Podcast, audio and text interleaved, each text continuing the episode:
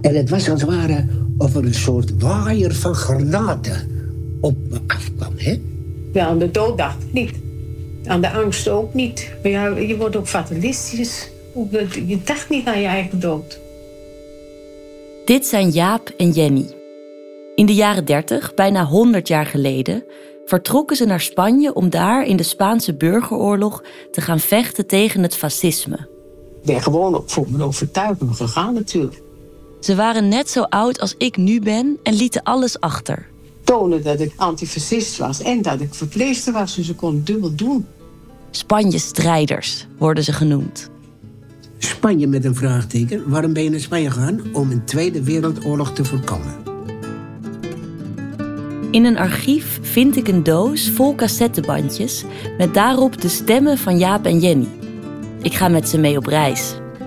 Je was naar het front gegaan en je was vrijwillig gegaan, dus je wist wat er gebeuren kon.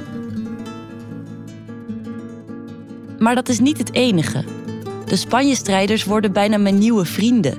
En ze laten me nadenken over mijn eigen apathie in een wereld die, net als hun wereld, bedreigd wordt. Wat zou ik van ze kunnen leren?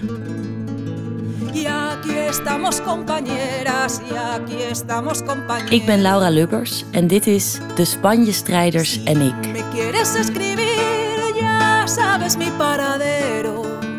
Si me quieres escribir, ya sabes mi paradero en el frente de Aragón, primera línea de fuego. En el frente de Aragón, primera línea de fuego.